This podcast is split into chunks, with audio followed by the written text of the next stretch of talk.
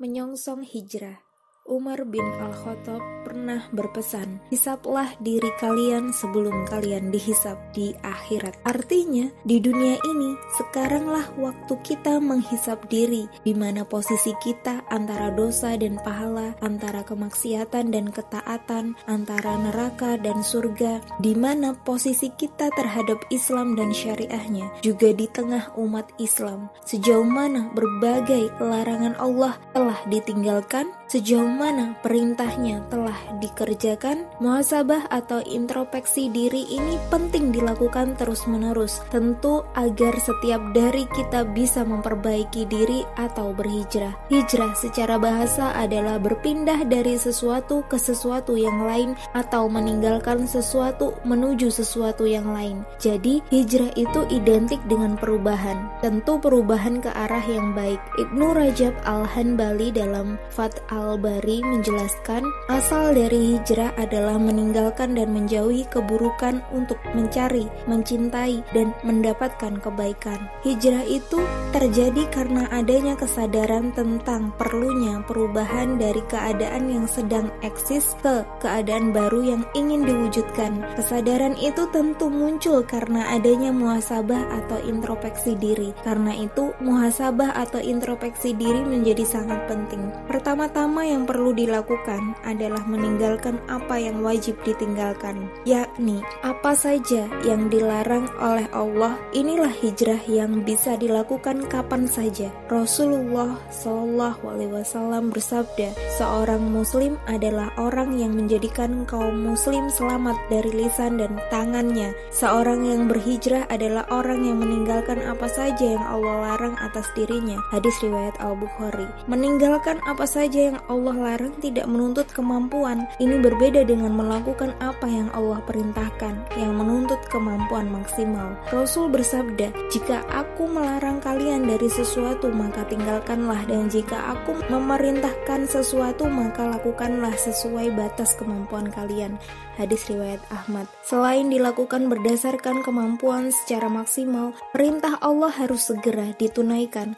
Allah berfirman, Quran Surat Az-Zariyat ayat 50, setiap muslim harus segera berhenti dari apa yang Allah larang dan meninggalkannya, sekaligus segera menjalankan berbagai ketaatan kepadanya. Dengan dua spirit ini, setiap muslim akan menjadi sosok yang makin taat, ketaatannya juga makin total, makin menyeluruh, makin kafah. Orang yang hijrah itu tidak menyukai apa saja yang menyalahi Islam dan syariahnya. Sebaliknya, dia makin senang kepada Islam dan syariahnya. Dia pun makin merindukan kehidupan islami, kehidupan yang diatur sesuai dengan Islam dan syariahnya. Alhasil, Secara individual, seorang muslim tak boleh berhenti berhijrah, tak boleh berhenti berubah ke arah yang lebih baik sesuai tuntunan syariah menuju totalitas berislam dan melaksanakan syariahnya secara kafah. Hal yang sama juga perlu dilakukan oleh kaum muslim secara keseluruhan. Kita perlu melakukan muhasabah atau introspeksi atas keadaan umat Islam hari ini. Kita perlu merenungkan bagaimana keadaan umat Islam, bagaimana pula keadaan seharusnya yang dikehendaki oleh Islam Selanjutnya, kita perlu menyiapkan tindak lanjut atas hasil muasabah itu. Allah telah mensifati umat Islam sebagai khairu ummah atau umat terbaik sebagaimana firman-Nya. Kalian adalah umat terbaik yang dilahirkan untuk manusia, melakukan amar ma'ruf nahi mungkar dan mengimani Allah. Dalam Quran surat Ali Imran ayat 110. Sifat sebagai umat terbaik ini tidak hanya berlaku pada kaum muslim masa Rasul saja, melainkan berlaku untuk umat beliau sampai kapan pun. Ali bin Abi Thalib menuturkan bahwa Rasulullah pernah bersabda, "Aku diberi apa yang tidak diberikan kepada seorang nabi pun sebelumku." Kami bertanya, "Apakah itu?" Beliau bersabda, "Aku ditolong dengan rasa takut, aku diberi kunci-kunci bumi, aku diberi nama Ahmad, tanah dijadikan suci untukku dan umatku dijadikan sebagai umat terbaik.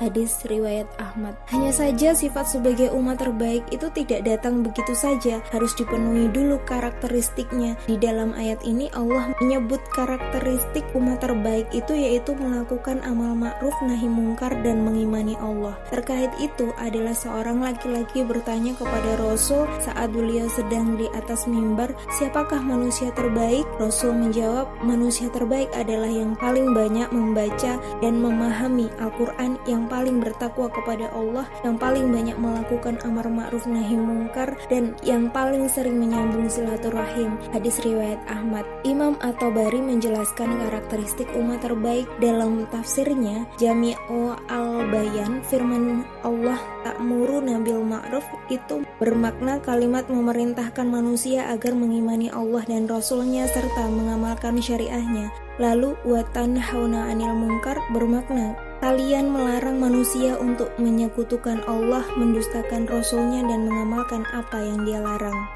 Imam Ibnu Kasir setelah menyelesaikan hadis-hadis tentang khairu ummah menyatakan karena itu siapa saja dari umat ini yang memiliki sifat-sifat ini dia masuk di dalam penghormatan dan pujiannya. Umar berkata siapa saja yang suka menjadi bagian dari umat terbaik itu maka hendaknya dia memenuhi syarat Allah yang dituntut atas dirinya. Diriwayatkan oleh Ibnu Jarir siapa yang tidak memiliki sifat demikian dia serupa dengan ahlul kitab yang dicela oleh Allah yang artinya mereka satu sama lain selalu tidak melarang kemungkaran yang mereka lakukan. Sungguh amat buruklah apa yang selalu mereka lakukan itu. Quran Surat Al-Maidah ayat 79 Secara umum karakteristik umat terbaik itu adalah mengimani Allah, melakukan amar ma'ruf nahi mungkar, mengikuti sunnah Rasul dan melaksanakan syariah. Dengan demikian kesempurnaan sifat khairu ummah itu terwujud ketika umat Islam beriman dan bertakwa. Ketakwaan mereka harus tampak dalam kehidupan mereka, termasuk dalam pengelolaan kehidupan masyarakat dalam segala aspeknya dengan syariah Islam.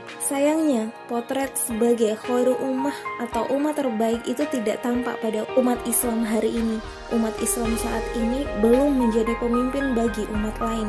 Sebaliknya, umat Islam saat ini masih menjadi objek dan eksploitasi pihak lain. Boleh jadi salah satu penyebabnya karena amar ma'ruf nahi mungkar belum tampak menonjol menjadi budaya umat umat Islam, terutama yang ditujukan kepada penguasa. Padahal kemungkaran penguasa lah yang paling besar menimbulkan keterpurukan umat. Kemungkaran terbesar penguasa tentu saja saat mereka tidak menerapkan syariah Islam secara kafah. Memang sebagian dari umat sudah dan terus melakukan amar ma'ruf nahi mungkar, namun tak jarang masih ada seruan-seruan sebaliknya. Yang ma'ruf justru dipersoalkan, yang mungkar justru dipromosikan. Dakwah untuk menerapkan syariah secara kafah di dihadang, seruan ke arah liberalisme justru difasilitasi. Terjadilah keanehan. Islam dan syariahnya secara kafah justru terhijab dari sebagian umat Islam sendiri. Kondisi umat yang terpuruk dan jauh dari prediksi sebagai umat terbaik ini tentu tidak boleh dibiarkan. Kondisi ini harus diubah. Aktivitas perubahan harus gencar dilakukan di tengah umat ini, sebab perubahan itu tidak akan datang dengan sendirinya, tetapi harus diusahakan